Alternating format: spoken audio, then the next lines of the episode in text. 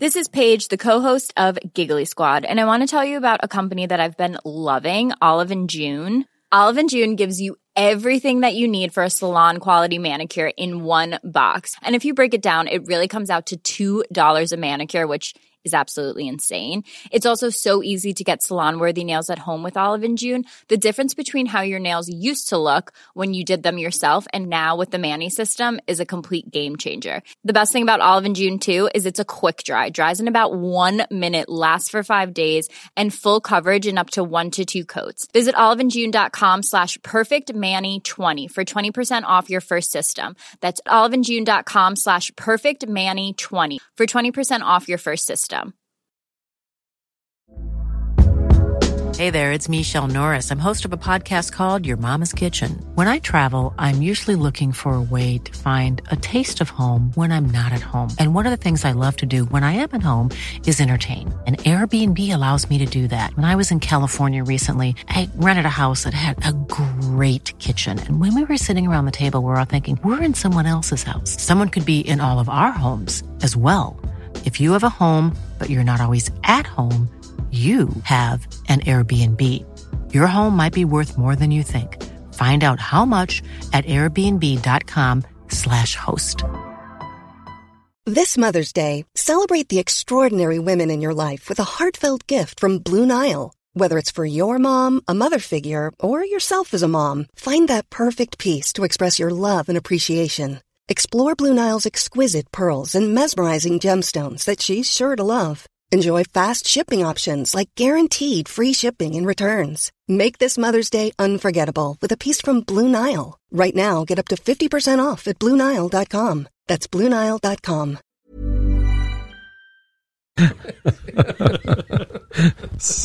Er det en ekte låt, eller? Er Ja, det er faen meg en ekte låt. Det er det sykeste. Russelåt, vet du. det har jo blitt en trend vet du, i Sverige nå. Å spille norske russelåter, ja. Yes. Det er jo helt sjukt. Helt Og de har begynt å skrive egne Svenskene synger på norsk. Lager sine egne russelåter. Så jævlig bra. Ja, det er Ikke sant? Og de er jo ikke dårligere. De, Nei, på de er ikke dårligere, de, til å lage det.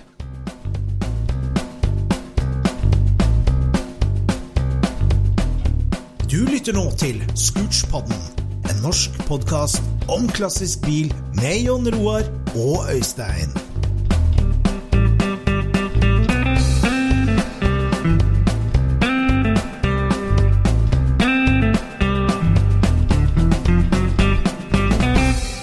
Ja, Øystein. Da har vi fått besøk igjen. Da har vi fått besøk igjen, og det her blir en interessant pod, for eh, jeg har jo holdt på med bil hele mitt liv. Ja. Jeg var født med veteranbil og har jo bygd bil og holdt på og vært i bilmiljøet lenge. Men så måtte jeg få egne barn, og for eh, to-tre år siden så sa eldstemann at nå skal vi på et annet type biltreff, og det heter gatebil. Gatebil, ja. Det, er det har jeg hørt om. Og det, og det var på Rudskogen, og vi dro ned til Rudskogen og dro på mitt første gatebiltreff. Det er jo latterlig egentlig å være norsk bilentusiast og så komme seg på gatebil i så moden alder, på en måte, for det er jo et utrolig fenomen, og vi ble jo bergtatt. Det var Det jo er jo nesten en som å være en norsk bilentusiast du ikke har sett Flåklypa. Ja, det er litt sånn. Ja. Så øh, det, det var flaut. Men gatebilfenomenet er veldig imponerende, og det skal vi ta et dypdykk i i dagens Scootspod. Og hvem bedre å snakke om det enn uh, miss, altså, uh, The Voice of gatebil, selve stemmen på gatebil. Speaker Arild Dyrkorn, velkommen hit. Thank you, thank you, thank you. Nei da, jeg må bare åpne med å si at vi er to stemmer på gatebil. Det er Ja. Jan Gunnar Halstvedt og meg, det er veldig viktig. Det er veldig viktig. ja. Vi, Men det er dere som er i tårnet og ser alt, og hører alt. Access all areas Ja, ja, ja, at ja. any time. Ja. ja. ja, det er privilegiet med å gå rundt med mikrofon. Ja, fy fader, det skal jeg love deg, altså. Det, Det gjelder vi er så heldige som får lov til å gå rundt der og oppleve det nærmere, tettere enn absolutt alle andre som er til stede på treffet. Det er, eh, ja, det er virkelig privilegium, altså. Og det gir tilgang på selv nachspiel og alt det. Absolutt alt. Ja. Det er kollegaen min der som er Han er eh, god der, på nachspiel. Ja. Det er han god på. Og du er best på vorspiel. Ja, jeg er best på å dra ut nachspiel-historiene hans over mikrofonen på søndag morgen. Ja, akkurat. Ja, ja, Der er jeg god. Der er du, ja. Ja. Du lager content av hans uh, opplevelser, rett og slett. ja, han er ikke vond å be, men uh, ja. ja hvor, når var første gatebil du besøkte, Arild, sjøl? 1994. Rudskogen. 1994, Det høres jo helt rart ut. Jeg trodde jo det gatebil var et 2000-tallsfenomen. Gatebil starta i 1993. Det er litt synd eh, altså De som er i ledelsen i gatebil i dag, de, er ikke så veldig glad i å snakke for åpen mikrofon. Så jeg Mm. De kjenner historien 110% korrekt. Jeg kjenner den 90% Så jeg, jeg, jeg prøver så godt jeg kan å få det riktig. Eh, så vidt jeg vet, så var det altså en gjeng med rånere på Kongsberg som eh, råna mye rundt. Og myndighetene syntes det ble litt mye råning, kanskje. Og de tenkte at nå må vi få råd til å kjøre et sted hvor vi kan få kjøre som vi vil. Ja, vet du hva, vi går rett og slett sammen, og så leier vi en racerbane, og så kjører vi så mye vi bare orker og gidder en dag på racerbanen. Og da leide de Karl Skoga I Ja. 93. i 1993, og kjørte der. Og så Og når du sier kjørte der, hva gjorde de da? Altså, Var det da var det drifting og villmannskjøring fra starten, eller hva, hva tror vi? Jeg vet ikke. Nei. Jeg var ikke der. Nei. Men uh, Men var det det, var jo det grommeste man hadde da, var vel en, en sånn eh, Antageligvis en Sierra Cosworth med 320-skip, liksom. Ja, ja, ja. Og det var vel ikke så lett å ligge sidelengs på tørr asfalt med den, Nei, vil jeg tro, Nei, det blir begrensa litt sånn, ja. ja. Jeg var jo da i 94, og det var ikke så Det var ikke mye sladding da, altså. Nei. Det var ikke det. De prøvde, men eh, ja.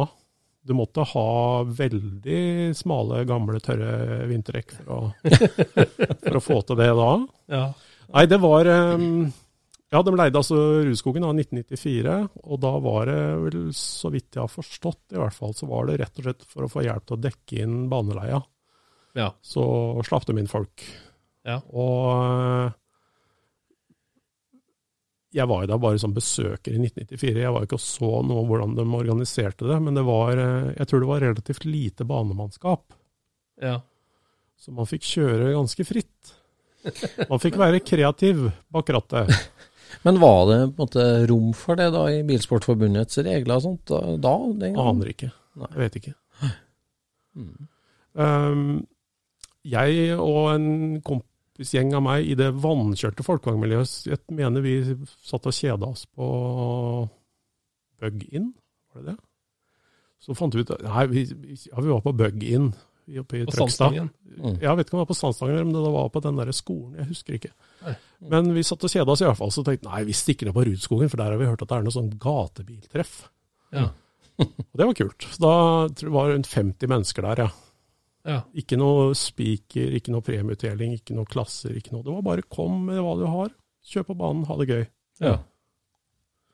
Og Grumse som var der da, det var eh, Stein Arne Pjokken Lindvall med Ja. sin eh, Mercedes 124 med. Corvette ZR1-motor. Ja. Jeg vet ikke om han kjørte så mye på banen, men han var i hvert fall konge i depot. ja, ja, ikke sant? Ja. Ja, og så øh, gatebil fortsatte. Jeg var ikke på gatebil noe før i tror det har vært 99. Da var jeg sånn ung og fremadstormende utplassert gjennom Nav som journalist i bilsport, av alle ting. Det er faktisk sant. Eller heter vel arbeids, Arbeidsformidlingen, het det den gangen. Da troppa du opp der og skulle skrive reportasje for eh, svenske Bilsport. Eh, jeg var jo ganske cocky på den tida, og var veldig stolt av det store speilflekskameraet mitt. Men jeg var liksom litt for Ja, skrive om det treffet, ja, jeg vet ikke. Men eh, det var mye kule biler her, jeg skulle jage noen reportasjebiler. Ja. Jeg lagde ikke noe treffreportasje. Jeg husker ikke når jeg gjorde det første gangen, det er nesten skremmende å si det. Men, men du så hvordan det begynte å vokse. da. Det bare kom, og det bare vokste mer og mer, og det bare rant på med mer og mer biler. Um, og folk begynte å trimme mer og mer. Og um, åra går litt i surr nå, men det var et ganske markant skille, og det var uh, Jan Øyvind Ruud, Ruud Racing, Sierraen. Ja. Det var et skille. Fordi det var en up and coming eh, motorbygger som het Vidar Strand, som hadde VS motor. Jan Øyvind Ruud var en klin hakke tulle gæren råner fra Lillestrøm, Strømmen, Skedsmo-traktene. Ja. Og han skulle ha den grommeste motoren som var å få til den Sierra Cosworten sin. Ja. Det dro til Vidar. Jeg tror han fikk 450 hester eller noe sånt. Ja. ja. Og det var da nok til at han klarte å dra løs skikkelig. Han hadde store nok baller til å klare å kjøre skikkelig sidelengs på gatebil. Han var det første som virkelig tok i så det ble ordentlig med dekkrøyk. ja. Eh, man måtte jo selvfølgelig ikke ha firehjulstrekk, for det var altfor godt feste. Man måtte ha bakhjulsdreven Sierra Cosworth. ja. Og hvilket årstall er vi på da? 2001-2-ish. Det er et sted, ja. Ja. Men altså, eh, du sier, førsten til å dra løs ordentlig og ligge sidelengs, var det på en måte starten på hele altså, driftingsporten, på en måte? Eller var det, kan man si det? Eh, Altså- vi visste ikke hva drifting var. Vi Nei. hadde ikke hørt om drifting. Nei. Det var kanskje, eh, drifting var noe som drev og utvikla seg i Japan, oppe i fjellene ved, oppe i Fuji der. Det hadde ikke vi hørt om, men vi hadde hørt om sladding. Ja. Det har man jo holdt på med i Norge ganske lenge. Urminnes tider. Men uh, det nye på gatebil det var jo at man begynte å kunne sladde på tørr asfalt Ja. Ja. istedenfor i skogen. Ja. Og man måtte ikke nødvendigvis ha en uh, og rallybil heller, man kunne få det til med en, uh, en Sierra Cosworth som ikke var kosta på altfor mye. ja. Ja. Um, Så det var en milepæl ja, når han la Sierraen eh, Og så var det flere som begynte, og så har du jo langsvingen på Rudskogen, ikke sant, som er eh, veldig krevende og tung å dra gjennom eh, i sladd, men når du først nailer den, fy f så rått det er, så kult det er.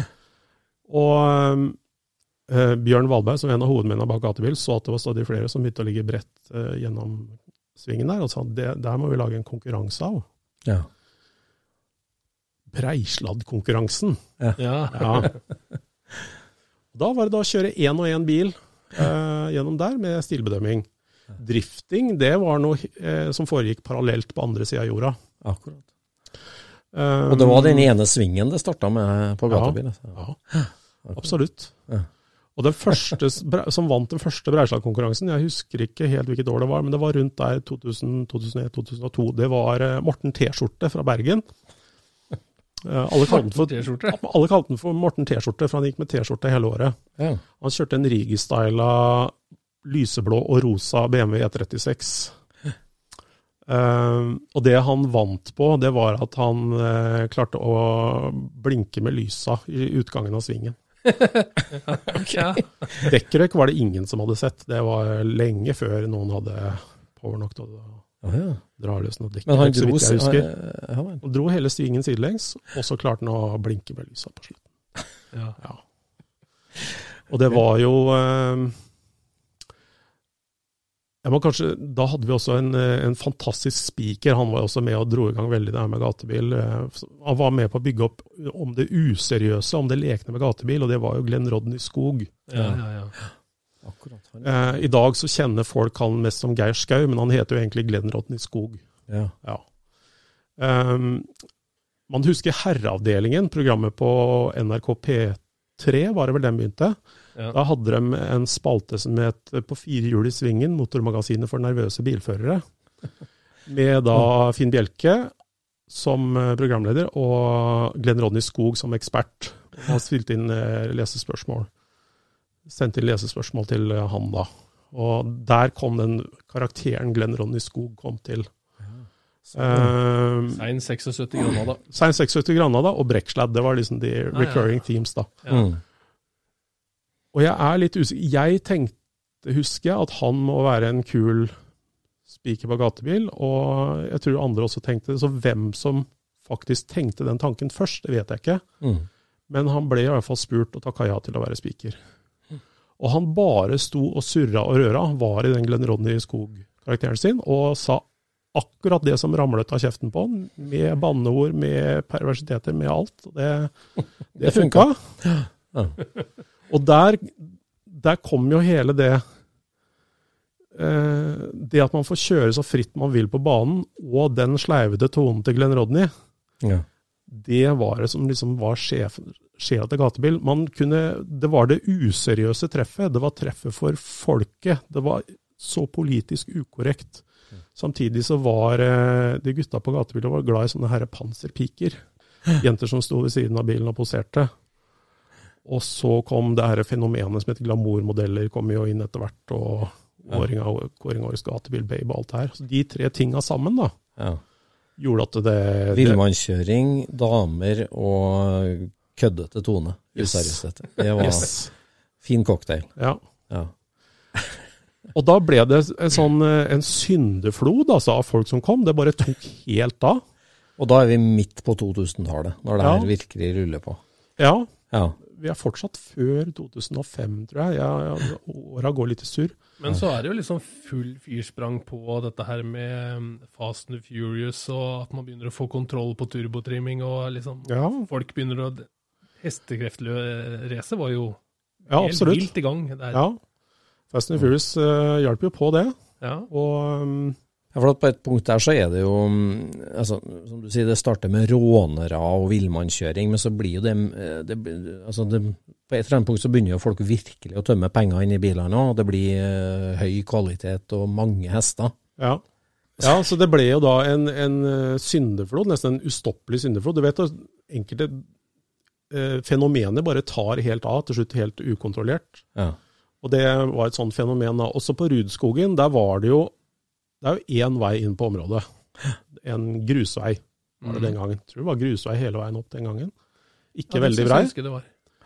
Um, og Rudskogen hadde fra et eller annet lokal lag og forening eller sånn, så var det én dame som hadde myndighet til å ta imot penger i porten. Det var e- ett menneske, et relativt, eh, en relativt myndig, eh, godt voksen dame, Ja. som var veldig bestemt. Hun skulle ha det sånn og sånn. Mm. Ferdig snakka med det.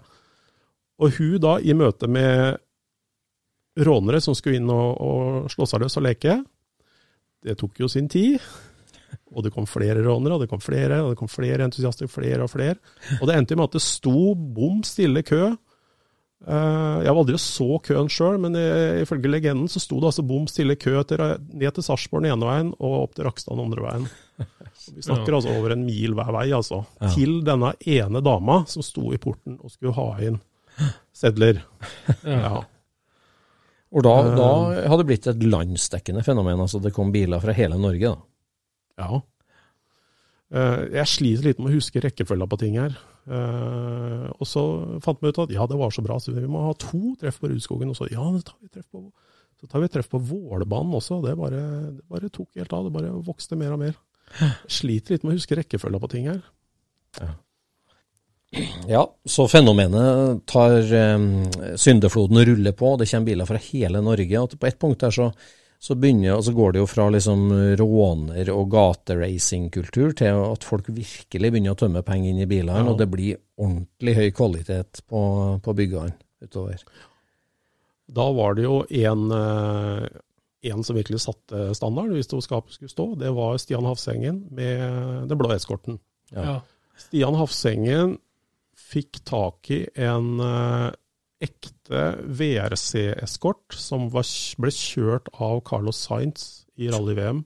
Ja. Um, som han eh, Det var en sliten bil når han fikk tak i den. Godt, godt brukt eh, løpsbil, som han totalrenoverte. Bygde om til full show-finish. Og eh, tok opp Cosworth-motoren til jeg vet ikke, 700-800 hester eller noe sånt. Nå, som jo var helt latterlig den gangen. Og Stian, sjøl om det her var en full show-finish, state of the art-bil, så kjørte jo han som eh, manna med ljåen, altså. Fy, var fy F som han kjørte den bilen. Det var helt, helt vilt. Og der var det dekkrøyk. Der var det dekkrøyk, og det var sånne skankepiruetter, og det var eh, eh, Han kjørte jo den mest legendariske breisladden i gatebilshistoria, hvor han eh, vant uh, breisladden. Og han, som Vidar Jøda ble si, han var ikke i nærheten av svingen engang. For han var, så, sang- han var så langt ute i sandfella, men bare holdt stunt og dro seg gjennom.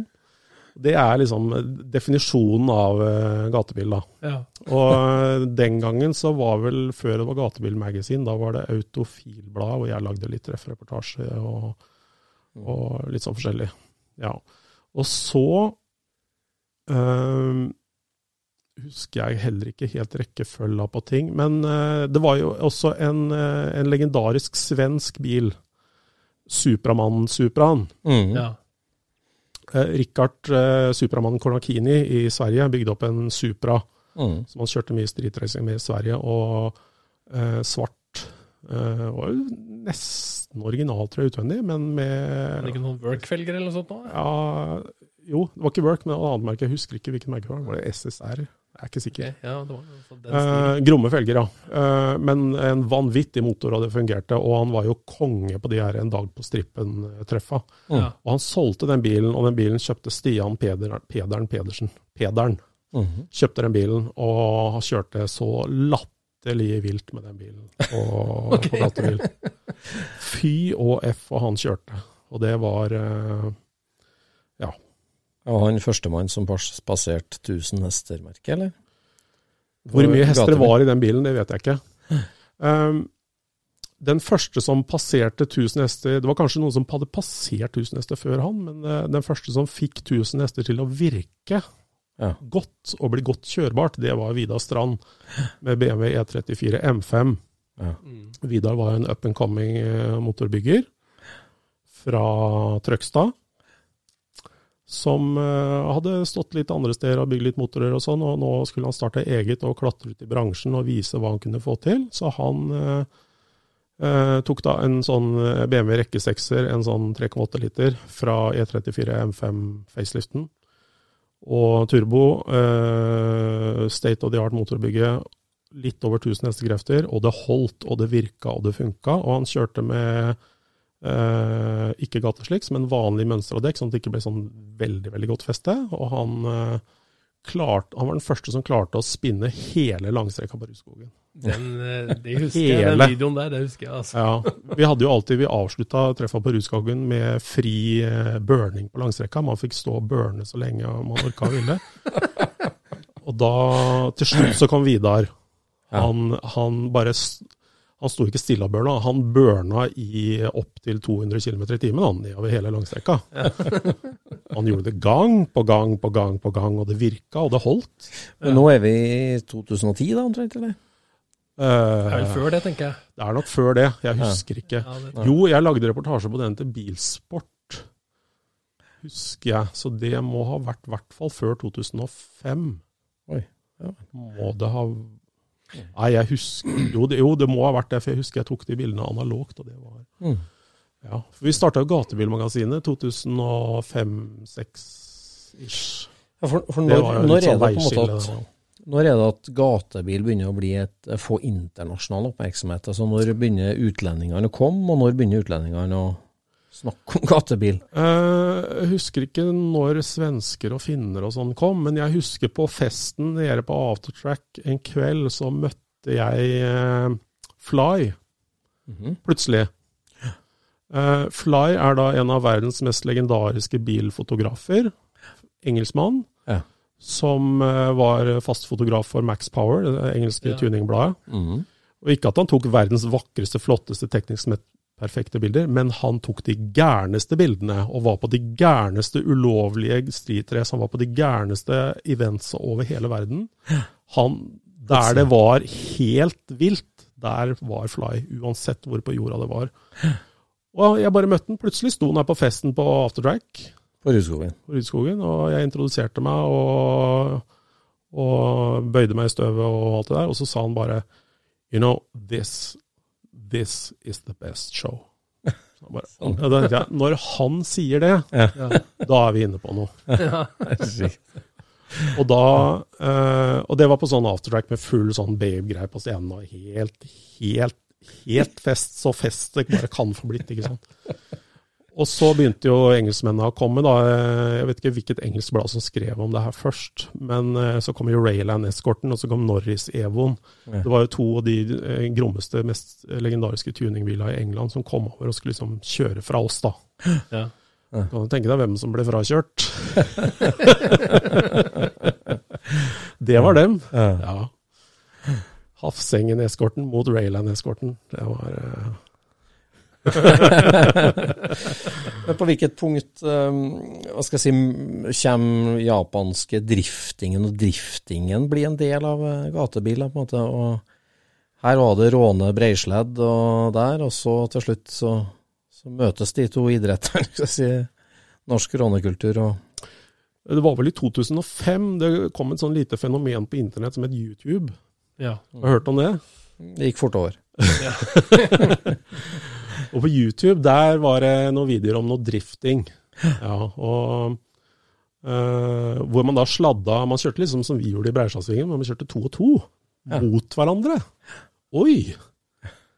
Og så det, var det noen som begynte å kjøre litt drifting uh, utenom gatebil på andre events.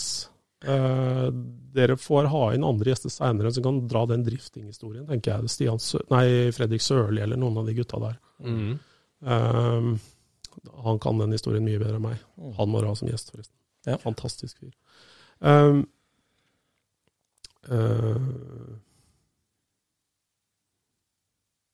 ja. Nei, så det ble jo begynt å arrangere Powerdrift begynte å arrangere driftingkonkurranser. Det var også parallelt med gatebil. Men vi begynte å se på gatebil at folk begynte å drifte mer sammen. da. Jeg pleier å skryte av at jeg tok det første twindrift-bildet i Norge. Ja. Eh, og Det var på frikjøring, det var ikke konkurranse. Og det var jo da eh, Vidar Jødal med E30 M3-en, som da var nesten original. Og så var det Borgar Koppangen i Mazda RX7, husker jeg, i, i Breisdalsvingen. Og det var et teknisk dårlig, ikke spennende bilde, det var ikke noe dekkrøyk eller noe sånt, men det var to biler som sladda veldig tett ved siden av hverandre. Ja. Eh, så da begynte vi å se det. Og vi hadde jo ikke noe driftingkonkurranser på gatebil, det kom jo mye seinere. Men eh, folk begynte å, å sladde parallelt tett. Litt sånn som man hadde sett på YouTube, da. Ja. Mm. Ja. Og øh, Fredrik Sørli var jo over i England og prøvde drifting, og på Sigrud vokste opp en kar som het Fredrik Aasbø, og mm, ja, litt forskjellig. Mm. Eh, Vanvittig. Men hva, så på, på der, da, når det virkelig begynner å ta deg, hvor mange biler sjekka inn gjennom hun sure dama i sportsbua i Rudskogen? da? Det har jeg ikke noe tall på. Jeg vet ikke. Eh, største publikumstallet vi har hatt, vi har vel ligget tett oppunder 50 000. 50 000. Da legger man sammen fredag, lørdag, søndag. 50 000. Det er sånn alle arrangementer man legger sammen fredag, lørdag, søndag. Da snakker vi 50 000. Ja. Så øh, vi snakker vel da kanskje på det meste da øh, 20 25 000 mennesker innafor porten på Mm. ett og samme tidspunkt. Sånn Og vi er fortsatt på Rudskogen i Rakkestad med én trang vei inn på området. og et, øh, Det var jo før øh, Jeg husker ikke om det var før dette Rudskogen ble utbygd, men det var jo på et, nei, på et område som var dimensjonert for kanskje 10 ja. Og det var um, mange biler på banen, da. Nei, jeg vet ikke, jeg har ikke noe tall på det. Men, men på et eller annet tidspunkt så må du på en måte ha tippa. For, eh, for først var det jo mest kjøring. Altså, de fleste som var der, kjørte. Og så, på et tidspunkt, så er det bare fryktelig mye flere publikummere enn det er Ja. eh, utøvere, eller hva vi skal kalle det. Ja. Um, Uh, man skjønte jo etter hvert at man måtte ha større områder å, å parkere folk på, så man begynte å leie jorder ved siden av Rudskogen. Eh, og så begynte man å ha sceneshow nede på et av jordene der, og bøndene kløpte gress og åpna jord etter jord. Det bare kom milevis, det kom biler døgnet rundt. Det bare, det bare kom.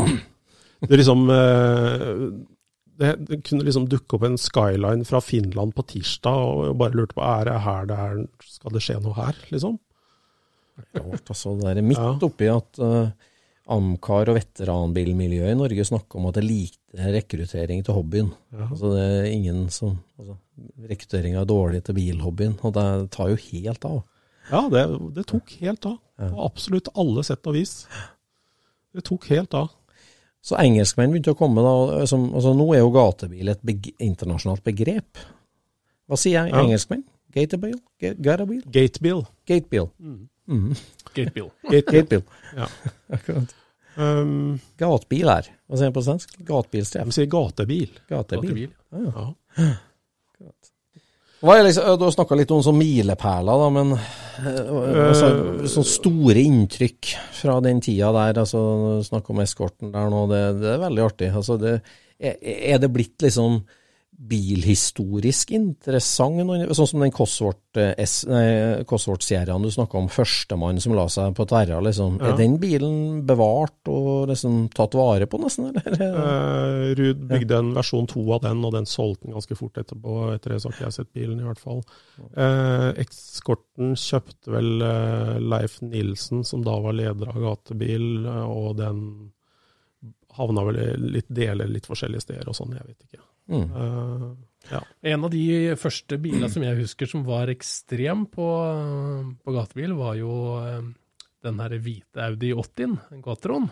Jonas, ja. Jonus. ja. Det husker jeg, det var, eh, det var bil som kunne gå.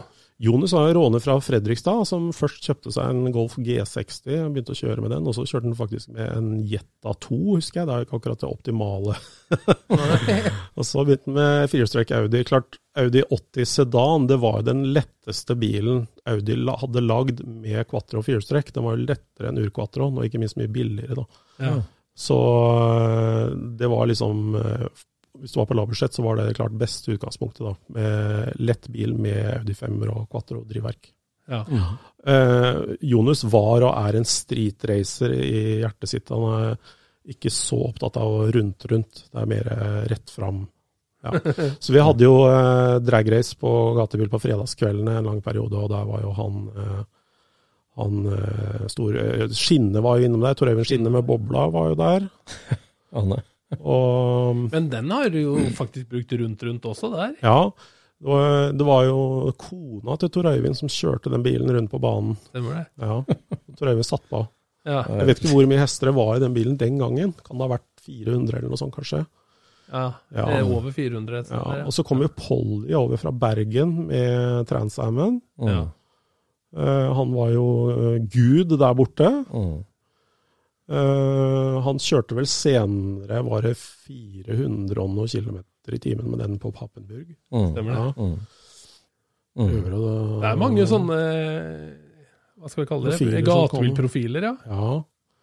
Uh, Klypen fra Hvor er han fra? Oppe i Gudbrandsdalen.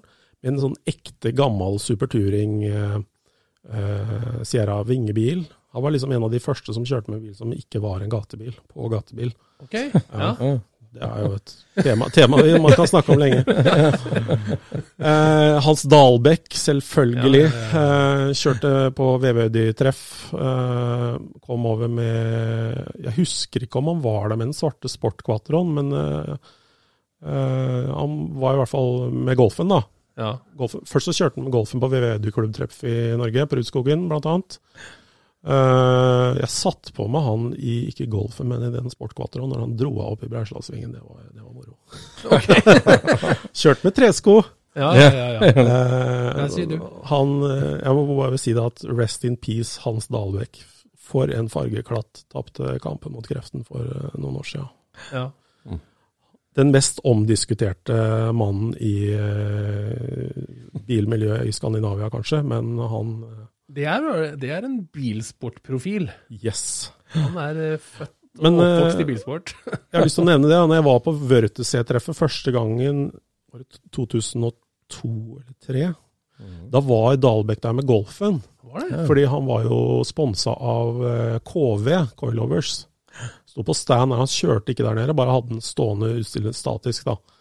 Og jeg snakka med entusiaster der nede, og ja, det er jo der sterkeste golf der velt, og, og sånn. Så jeg, jeg liksom snakka om bilmiljøet hjemme, så sa jeg at han er ikke raskest hjemme, sa jeg. Nei. Jo, det måtte han være. Sånn var det bare. Det var det sterkeste golf der. Nei, han blir frakjørt på Rudskogen hjemme i Norge av Supraer og sånn, sa jeg bare. Nei, det kunne ikke stemme, men det ble han, altså. Ja. Det var Pederen i svarte Supraen. Kjørte fra Dalbekk. Men disse her profilene, da. Altså, det er jo eh, Hvor mange år må du gjennomsnittlig ha kjørt på gatebil før du blir en profil? Eller har det ikke noe med det å gjøre? Det handler ikke bare om år, det handler om at du er eh, klin hakke tullin. ja, ja, ja. Det handler vel så mye om det. At lista du må jo flyttes mest opp òg. Ja. Det er jo dessverre blitt litt sånn at det er jo enkelte som ikke tør å vise seg på banen før de har 700 hester og en viss mengde kjøretrening. Ja. Mm. Men vi er jo som spikere veldig frampå å framsnakke de som kommer med de enkle bilene. Mm. Eh, antiheltene er jo også helter. Mm. Eh, en legendarisk en som kjørte Kadett B med ski på taket, som velta i Breisladden, husker jeg. Med original 1100. Og så var det jo eh, Mørk mann i Honda.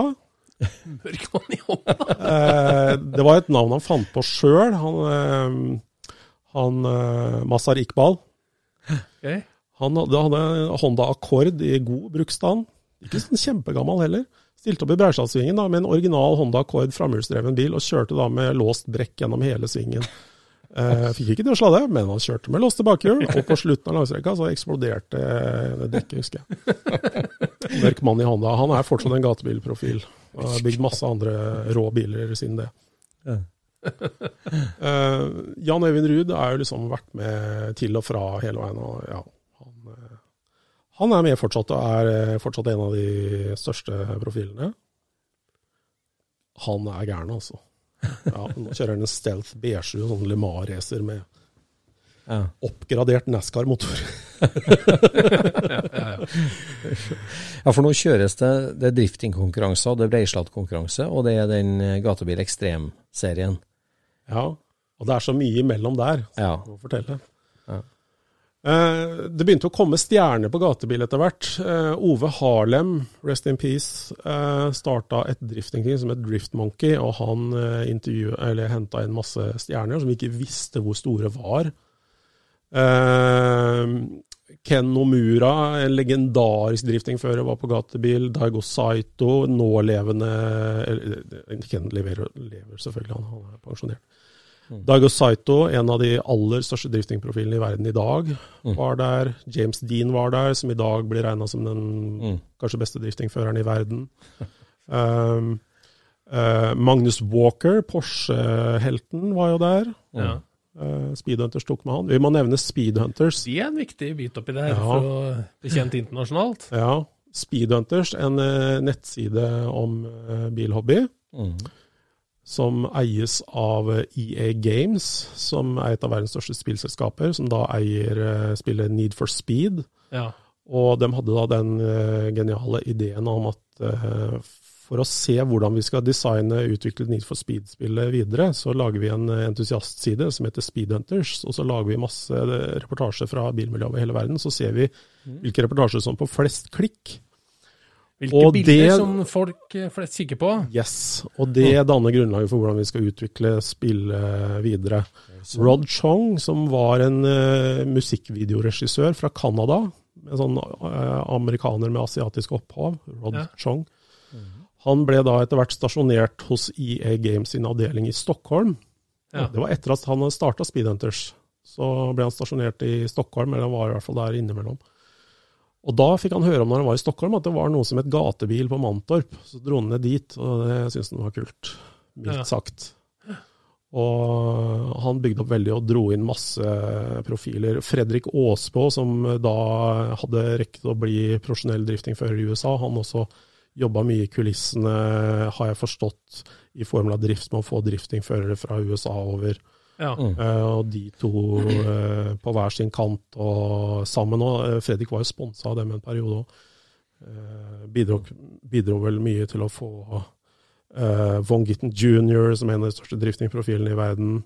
Um, eh, ikke minst eh, Mad Mike. ja. Mm. Speedhunters fikk jo Mad Mike eh, fra New Zealand til å frakte bil fra New Zealand for å komme til gatebil på Rudskogen. Ja, ja,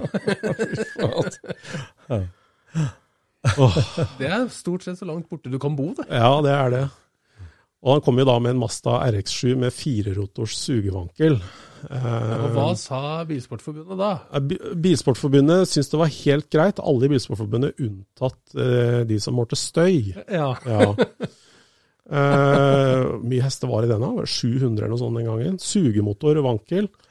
Eh, Fireskiver, eller var det noe fire, sånt? fire rotors, ja. Ja, Mm. ja. Ja. Eh, det har jo kommet vankelmotorer hvert som, som du kan bygge opp i seksjoner, så du kan Ja. lage så mange rotorer du vil. Masta sjøl har vel aldri lagd mer enn tre rotorer, tror jeg. Nei. Men uh, nå kan du bygge så mange rotorer du vil, og det her var altså en firerotors sugevankel. Og jeg tror eh, støyregelen var jo 100 desibel. Jeg tror han hadde eh, Jeg vet ikke hvor mye han hadde på eksosen, men på innsuget så hadde han vel 110 og noe, tror jeg. Ja, og det er en. Og, eh, Vesentlig for høyt. Ja. Ehm, eh, så han hadde et svare strev. Forklart en sånn uh, sugemotor er en veldig peaky, nervøs, veldig veldig fintuna motor. Så da begynne å stappe, bomull i røra på den, det er vanskelig. Jeg fikk han ikke kjørt da, i hele tatt? Eh, han fikk kjørt under tvil, Aha. med kraftig støydemping, så vidt at han no funka sånn noenlunde. Men uh, vi spikere den gangen, vi bare sa at nå, nå, nå holder vi munn, bare hør. Eh, ja. Uh, Dayo Shahara hadde vel uh, Ove Harlem med, uh, proffdrifting før i USA. Um, ja. Nei, jeg husker jo det at Matt Farah på The Smoking Tire-podkasten, ja, han snakker jo av og til om gatebil. han gjør det, ja. Så Nei, jeg tror ikke han har vært der, men eh, når han vet om det, så er det god spredning, altså. Som meg vidt bekjent har han ikke vært på gatebil. Um, alle i Formel av drift Formel av drift-ledelsen har vel vært der. Uh, The Voice of Drift, uh, Jared Dianda har vært på gatebil.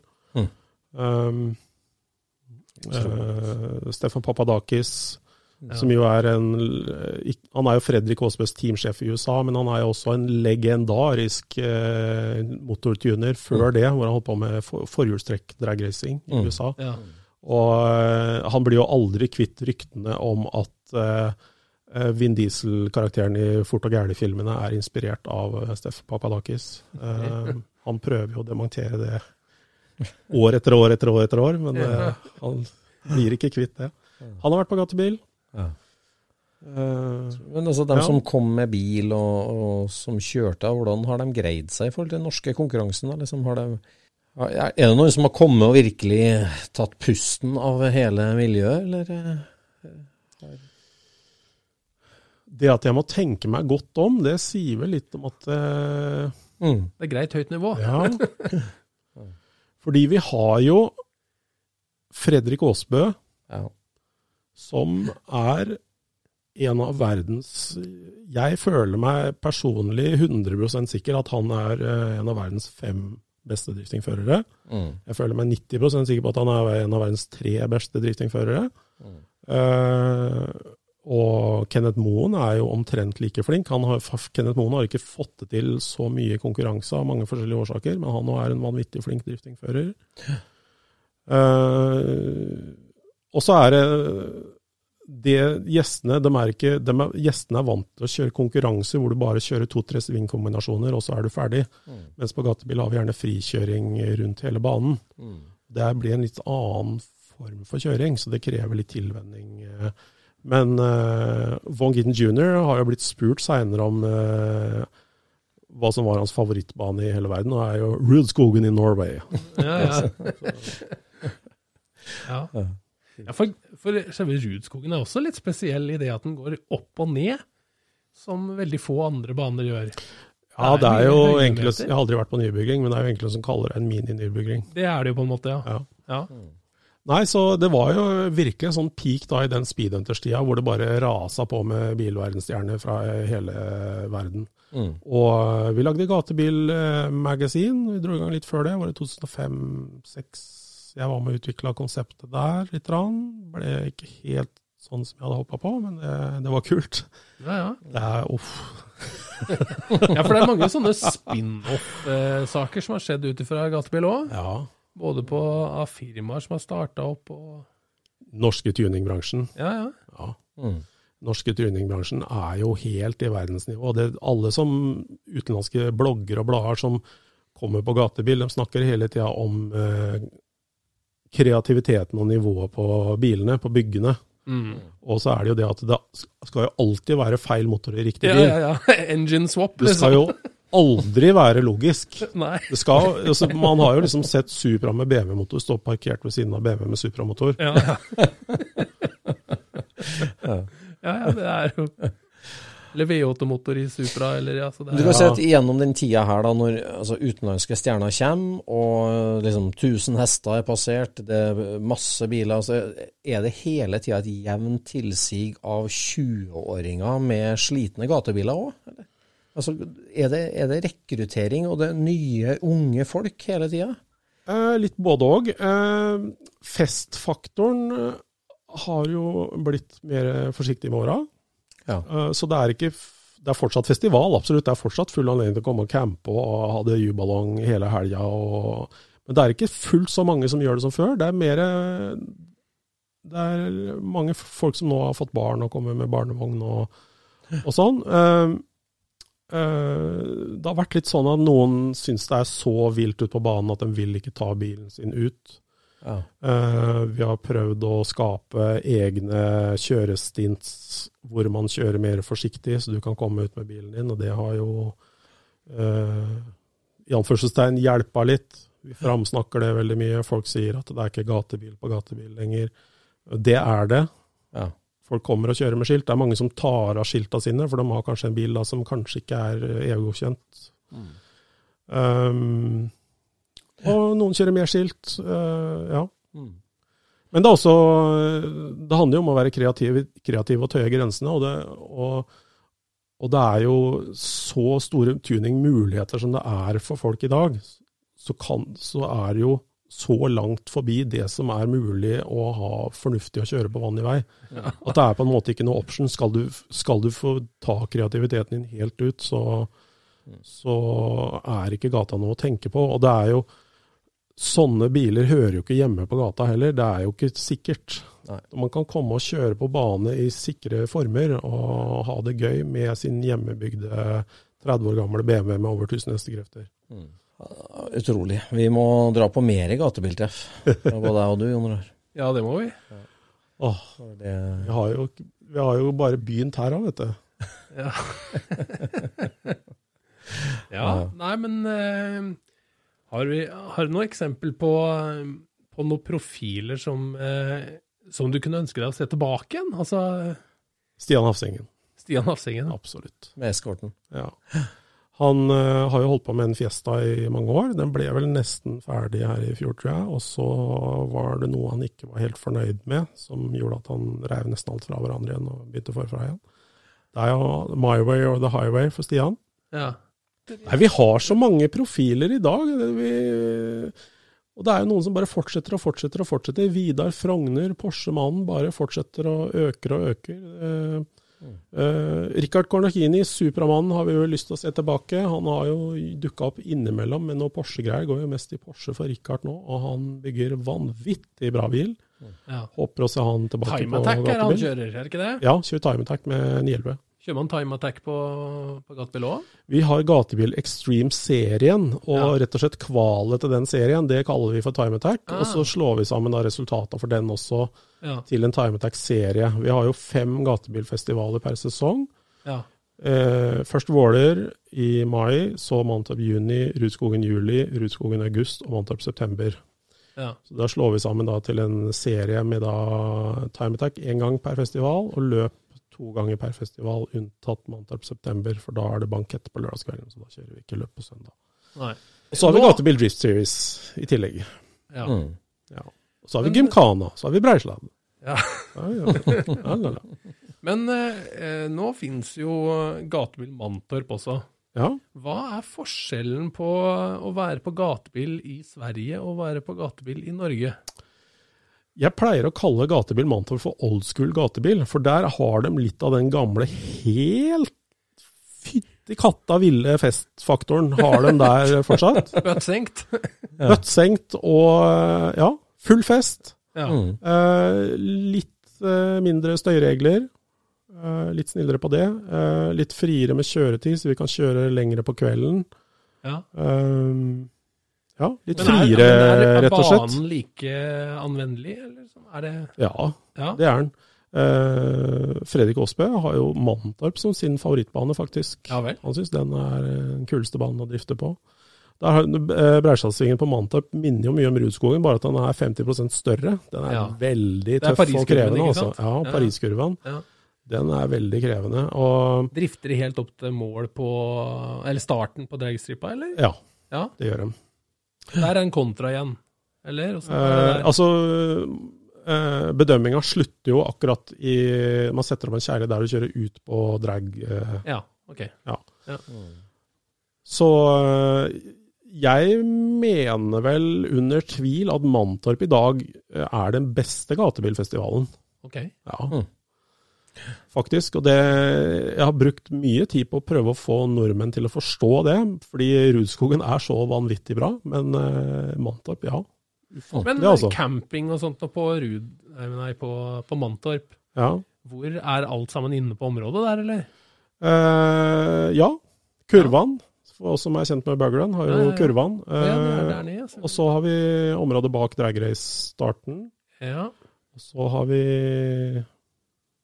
Nei, hva sa jeg? Området bak drag race-tribuna, mener jeg selvfølgelig. Ja. Ja. Ja, ja, ja. uh, ja.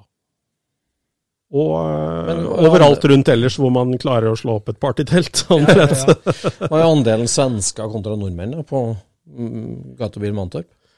Uh, hva skal jeg si, da? 70% svenske, kanskje? Oh, det er Ja, så det er ganske mange nordmenn, da. Ja. Nei, kanskje, kanskje 80. Hvem er flinkest til å besøke hverandre, da? Ja, det, nei, jeg tror det egentlig er ganske likt, det, altså. Ja, det er ganske mye svensker på Rudskogen òg, Ja. eller på Våler. ja. Det fascinerende med svenskene er at det, eh, det- tar jo aldri slutt med Volvo 740 og 940. Nei. Altså, det tar aldri Skulle tro de det.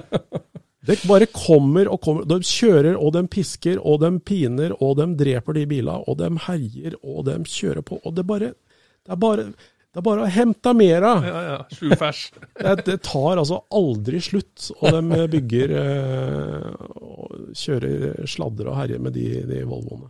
Helt utrolig. Ja. Den første vinneren av Gatebil Drift Series var første gang vi hadde Gatebil Drift Series. Det var vel i 2016-2017. Det var jo en Volvo 240. Ja. En, eh, ja. Vanvittig kult å se at det går an å få til en konkurransedyktig driftebil på en eh, gammel murstein, men det gjør det faktisk. Det er uh, svenske Volvo 240, og han kjørte på nivå med de aller beste, altså. Virkelig. Ja. Um, Mantorp har jo den lange rettstrekka. Eh, Fredrik har jo det høyeste han har initiert en sladd i sitt liv, har han jo gjort på Mantorp. Han har vel, han har vel ikke sett på speedometer, men har regna ut på turtall på hjul og sånne ting, at han var ca. 255 km i timen idet han flikka han inn mot Mjølbykurven. ja.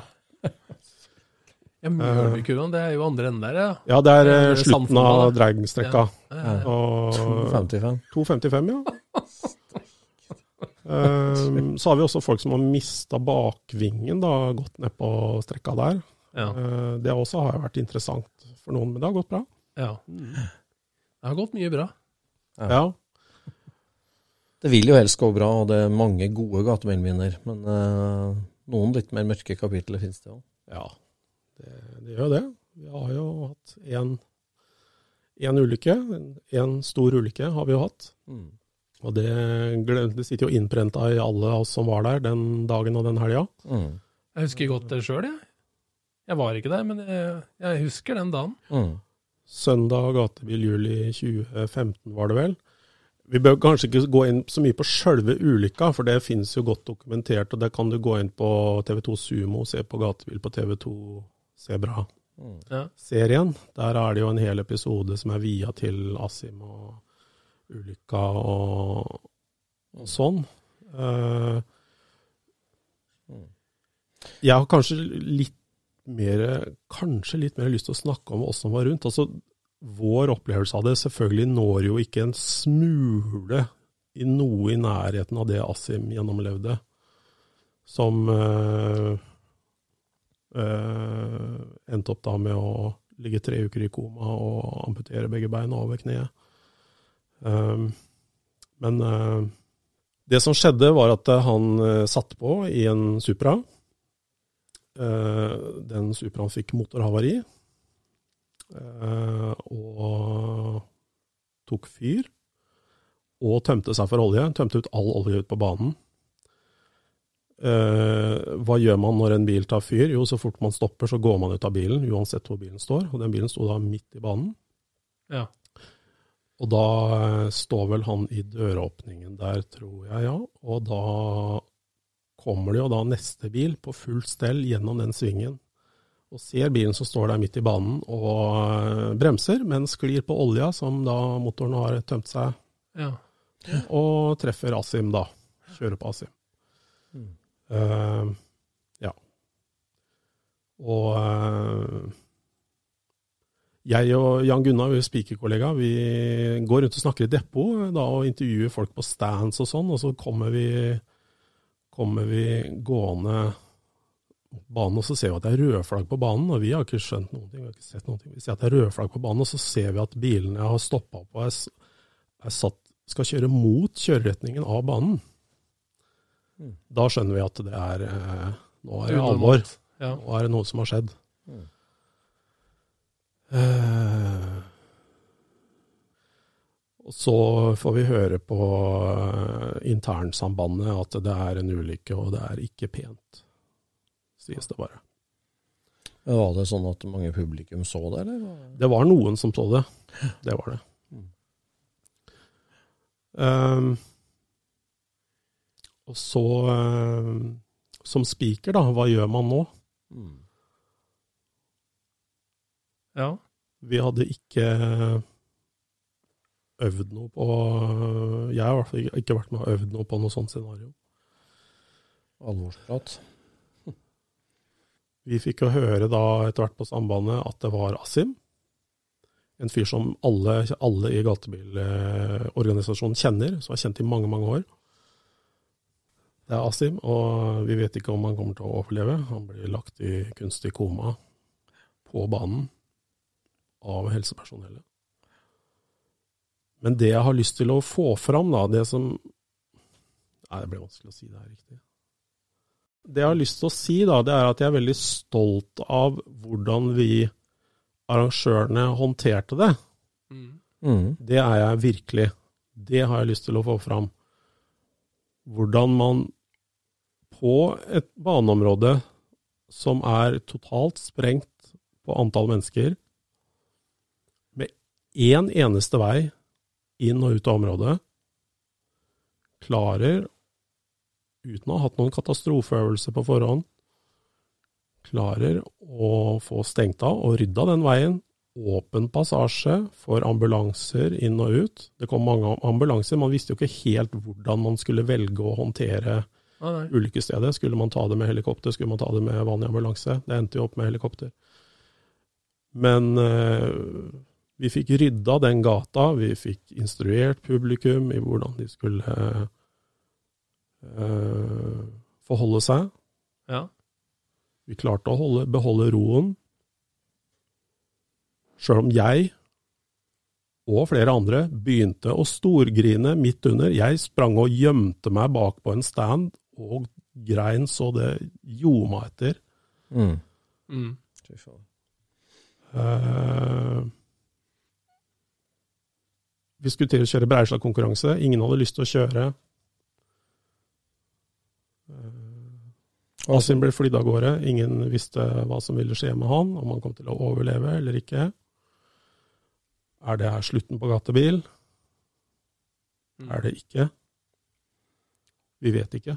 Vi vet ingenting. Vi må bare midt på dagen, det er eh, x antall mennesker på rådet, jeg vet ikke, 10 000 kanskje mennesker. Fortsatt bare én vei ut av området. Alle skal ut. Jeg Ja. tror Jeg tror den køen flytta seg sånn som ti meter på to timer, eller noe sånt. Og det var sånn helt latterlig lang kø. Den tunge stemningen den dagen. Det var eh, Ja, for treffet ble avlyst og stoppa, da. Yes. Og takk og pris for at det var søndag midt på dagen. Hadde det vært på lørdag, hva hadde vi gjort da? Vet ikke. Uh, uh, vi funksjonærer vi samla oss i kantina etter at treffet var uh, avslutta, takk og farvel. Vi samla oss i kantina.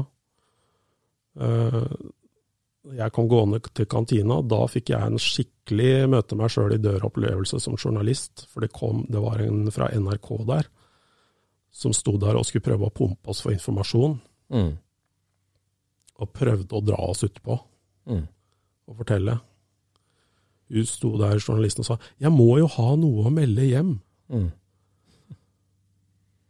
Og øh, satt vi i kantina der, husker jeg, og det øh, Så kom det tekstmelding fra mora mi, husker jeg, som hadde vært på gatebildagen før, Ja. som besøkende. Uh, kreftsjuk med parykk hadde troppa opp for å se Jeg vil se hva Arild holder på med før jeg dør, sa hun. Oi. Eh, det kom tekstmelding fra hun da. Eh, håper det går bra med dere. Ja. Kom det melding fra hun som satt hjemme. Mm. Da skjønte jeg oi. Og så går jeg inn og ser. Det er toppsak på VG. Ja. Det er toppsak på VG-nett. Mm. Med bilde fra nede i svingen Mm. av eh, litt sånn ambulanser og litt sånn forskjellig.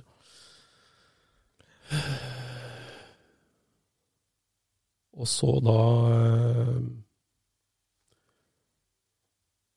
Veldig kort tid etterpå, husker ikke hvor mange dager etterpå, veldig kort tid etterpå så gikk både politiet og Norges Bilsportforbund ut og sa offentlig at eh, arrangøren var ikke til å klandre for det som hadde skjedd. Man var tilfreds med hvordan situasjonen hadde blitt håndtert. Mm. Da ble jeg stolt. Mm. Det må jeg si. Hyggelig. Mm. Det Ja. Det, og folk øh, visste jo ikke hvor godt, hva godt man kunne gjøre for Asim. Folk liksom bare lengta Hva kan vi gjøre? Mm. Hva, hvordan kan vi få det til? Det er akkurat som nå i, i krisa vi har nå, hvor folk på hver sin 3D-printer hjemme lager sånne her, eh, masker, ikke sant. Ja, ja. Så det endte jo da med opp eh, en kronerulling og dugnadsaksjon for å bygge opp bilen til Asim. Det var jo ikke, den bilen, den bilen hadde ikke vært med i ulykka. Men eh, Asim hadde en, og har fortsatt, en Nissan Skyline R32 GTR. um, som han aldri hadde fått fiksa opp helt sånn som han ville ha han. Mm. Og ehm, det var vel Preben Lunde og noen andre som dro i gang det der. Og eh, man gjorde da en greie, jeg husker ikke hvor mange uker eller måneder det var etter ulykka, men man gjorde da en greie med Bård Kristiansen, Boblebård, som da jobba på Møller. Han fikk låne direksjonsdemobilen på Møller, en Audi A8 S8 et eller annet, eller en Faeton eller noe sånt noe. Mm. Kledde seg opp i dress og sjåførlue, dro til sykehuset, eller var det Sunn... Jeg husker ikke om det var sykehuset eller Sunnaas, eller hvor det var.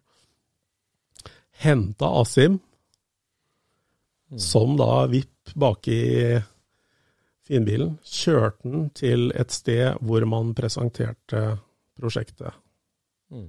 Ja. som man allerede var godt i gang med. Eh, Jeg var ikke der den kvelden. Det, og Asim var bare på med en gang at 'jeg skal være med og bygge opp den bilen'. Dere får ikke lov å gjøre det her uten meg. Kult. Uh, ja. ja. Og uh, Asim også var jo veldig åpen om ting på sosiale medier og sånn, og om hvordan det gikk. Og, og jeg husker han uh, var veldig, veldig stolt da han klarte å få krangla til seg de grommeste high-tech-protesene som er å få tak i. Okay. Da var han liksom helt ute på sosiale medier. Dette var helt rått. Og, han var jo, når han begynte å gå ute, så gikk han jo alltid i shorts året rundt. Her er jeg. Ja, ja, ja. Har han kjørt den Skyline nå, eller på, på? Eh, den har aldri blitt helt ferdig. Eh, Asim har vel vært opptatt med karriere og familie mye, tror jeg. Så den har aldri blitt helt ferdig. Eh, men det er fortsatt godt mulig at den blir det. Mm. Eh, og vi i Gatebil vi lærte utrolig mye av det her. Vi justerte inn sikkerhet og ble en mye, mye tightere gjeng. Det er da vi begynte, i hvert fall jeg begynte å kalle oss for Gatebilfamilien. Mm. Vi som er med å arrangere gatebil, og de faste profilene. Vi har eh, lært veldig mye om sikkerhet og hvordan det går an å ha det moro under trygge former. Mm. Mm. Nei, det er flott at det finnes et sånt tilbud òg, tenker jeg, som du sier, med å få prøvd seg ut i sikre omgivelser. Og, og det er jo et trafikksikkerhetstiltak å ha gatebil som event med fem treff i året, som du sier. Ja, det ser jo blåse ut òg, på en måte. Ja, det er jo det. Så Ellers ville ha skjedd oppi Bø, eller mm, hvor som helst. mm. Nei, gatebil eh, framover Det har jo flata litt ut. Det er ikke fullt så mange internasjonale eh, profiler som kommer lenger, men nivået i Norge bare øker og øker. Det bygges bare grommere og grommere biler. Det tar aldri slutt. Jeg liksom trodde at det skulle ta slutt når man passerte 1000 hester, Mm. i min naivitet. Det gjør jo ikke det, vet du. Nei, Det bare fortsetter. du kan spinne enda fortere. Og det blir eh, bygd rene rørsjassibiler som setter banerekorder. Eh, før så hadde man jo ofte problemer med å sette banerekorder fordi man kjører drifting og rundt-rundt på samme event. Ja. Fordi driftingen legger jo igjen så vanvittig mye gummirester og skaper eh, dårlig feste for rundt-rundt-biler. Men nå begynner rundt-rundt-biler å gå så fort at de setter rekorder allikevel. ja. Uh, Vidar Frogner sin Porsche 993, som er jo da en uh, hva blir det, 20-25 år gammel bil, tross alt, Mm. motoren i gæren ende og alt, har altså satt rekorden for det raskeste som er kjørt med bil med selvbærende karosseri på Rudskogen noensinne, Ja. på et gatebilevent. Ja, Og den bilen er bygd i Moss. ja. Det er en av absolutt verdens råeste luftkjølte 911-er i, Mm. i verden noensinne. Det tør jeg virkelig å påstå. Og den er bygd i Moss. ja. Og eh, med innblanding da i Sverige, andre gatebilfolk i Sverige. Eh, Og det bygges eh, fortsatt nye biler. Det er enda heftigere biler på gang, som jeg dessverre ikke kan fortelle om. Mm. Men av det vi vet som er av nye biler på gang Vi har jo Kai Roger Bakken, som jo er Mr. Gatebil Extreme himself. Han har jo nå kjøpt en, et rullende chassis av en McLaren løpsbil. En, eh, altså en sånn av de nyere gatebilene McLaren. Jeg vet ikke om det er en 650 S eller 720 S eller eh, et eller annet sånt noe. Som da selvfølgelig ikke har nok motoreffekt. Nei. Han må jo ha en mye kraftigere motor enn de hadde satt i den bilen da McLaren optimaliserte den for banekjøring. Den Lotusen har jo vært med en stund. Lotus Esprien eh, til Karoger, ja. Ja. Den ble vel Jeg er ikke helt 100 på den, sikker på den historien, men den ble jo bygd i Sverige, den. Det er vel en Super Saloon På eller sånt, er det ikke det? seint 70-, tidlig 80-tall, med litt sånn eh, gruppe C-deler og sånt. Rødsjassi. Ja. Og den eh, vant jo mye racing i Sverige på 80-tallet, og mye racing i Norge på 80-90-tall. Men eh, har jo da Kai Roger Bakken kjøpte den, så var den jo ordentlig nedslitt, og han totalrenoverte og friska opp den bilen, og den går jo nå mye, mye fortere enn han noen gang har gjort tidligere i Norge og i Sverige. nå, nå kommer han med McLaren altså, nå i sesongen her. Jeg tror eh, Ja, nå vet vi jo ikke hvordan sesongen i år blir, da. Men uh, han skulle i utgangspunktet kjøre denne sesongen her, ja. Da blir det Audi-motor i den òg, eller? Eh, det vet jeg faktisk ikke, men det, det vil jeg tro. Det er jo de motorene han kan. Ja. Han har jo kjørt mest med Audi V8 de siste åra. Ja. Så har vi jo Joakim Johnsen da, fra Askim, som skal kjøre drifting konkurranse med Lamborghini Huracan. Han skal ikke bare kjøre frikjøring og show, Nei. altså. Han Nei. skal kjøre konkurranse. Konkurranse. Drifting. med Lamborghini Huracan Super Trofeo med Dodge NASCAR-motor.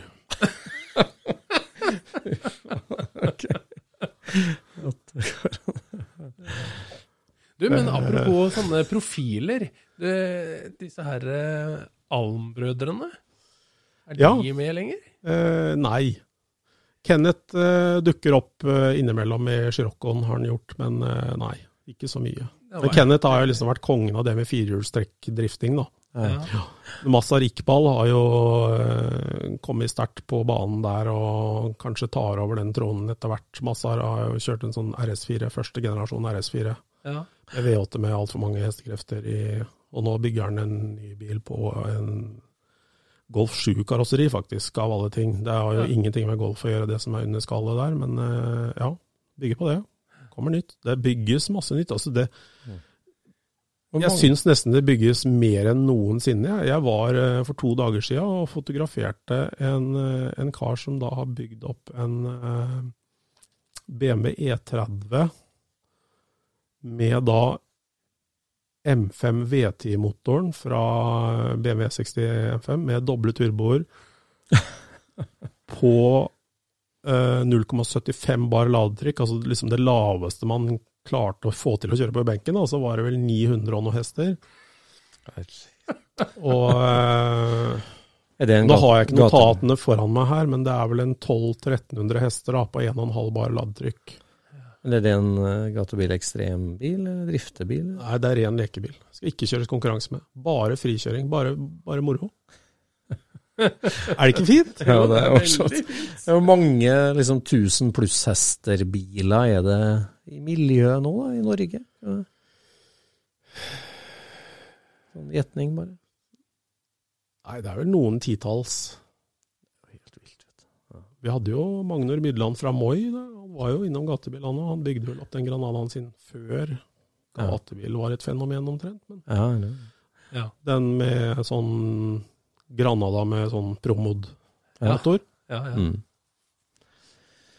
Vanvittig. Mye å glede seg til hvis det blir noe mye kjøring i sommer, da. Men no, noe blir det vel.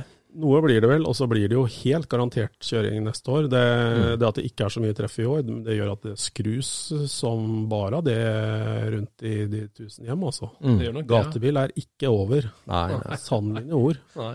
Ingenting Det, over, det er altså noen prosjekter som jeg så ekstremt gjerne har lyst til å fortelle om, som jeg ikke kan fortelle om på innspillende tidspunkt. mm. Men gutter og jenter, bare vent. Ja. Det er eh, ting på gang, både i rundt rundt og sidelengs. Ja. Er, eh, ja, vi kan jo nevne, vi kan nevne Simen Olsen da, fra på Sørlandet. Som altså unggutt, har kjørt drifting i tre-fire år, tror jeg. Gikk altså i fjor høst hen og kjøpte seg en Pesse ny Supra, den helt nye Supraen. Ja. Rett hjem, ta en piruett utafor garasjen, rive den i fillebiter og bygge state of the art eh, driftingbil. Et prosjekt på 1,3 millioner med håp om å da kjøre Formula Drift Pro 2, altså annen divisjon i Formula Drift i USA med den bilen. Men først skal han kjøre på gatebil. ja. Vi gleder oss. Eh, ting skjer. Ting skjer. Ting skjer. Veldig bra. Vi er på veis til veis ende i denne episoden av Skurspodden. ja. Vi skal helt sikkert tilbake til gatebil og på gatebil. Det blir vanskelig å unngå det. Ja. Nei, det er et eh, stort tema, det der. Takk for et eh, spennende innblikk i bare det som er en liten toppen av isfjellet på det. Ja, jeg har bare lyst til å si det at vi i gatebil, vi har Det er så mange historier, så at vi har begynt å tenke på å samle inn historier. Og kanskje lage en bok eller eh, et eller annet. Ja. okay. Eh, men det er dessverre sånn at den boka kan neppe gis ut før gatebil er historie. Fordi den kommer til å ta livet av det konseptet. Ja, om man ikke ler seg i hjel, så ja. Det er altså det, det har skjedd så Ja, det er Vi har hatt fødsel på gatebil. Oi, såpass. Eller vannet gikk på gatebilcampen. da. Hun fødte vel i veikanten på vei ned mot sykehus, sykehuset i Sarpsborg, tror jeg. Såpass, ja.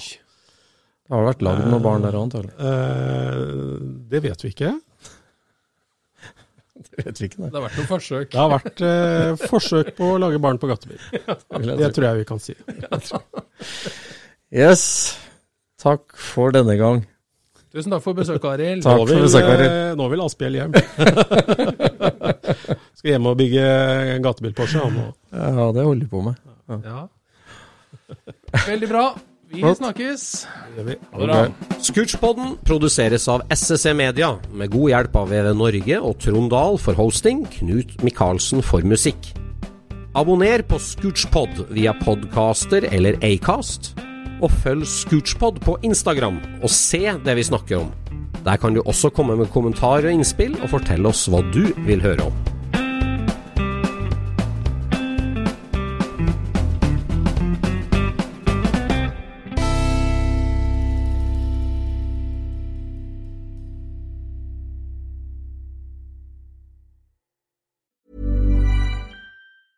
Normally, being a little extra might be a bit much, but not when it comes to healthcare. That's why United Healthcare's Health Protector Guard fixed indemnity insurance plans, underwritten by Golden Rule Insurance Company, supplement your primary plan so you manage out of pocket costs. Learn more at uh1.com. Hey, it's Paige DeSorbo from Giggly Squad. High quality fashion without the price tag. Say hello to Quince. I'm snagging high-end essentials like cozy cashmere sweaters, sleek leather jackets, fine jewelry, and so much more. With Quince being 50 to 80% less than similar brands. And they partner with factories that prioritize safe, ethical, and responsible manufacturing. I love that. Luxury quality within reach. Go to quince.com slash style to get free shipping and 365 day returns on your next order.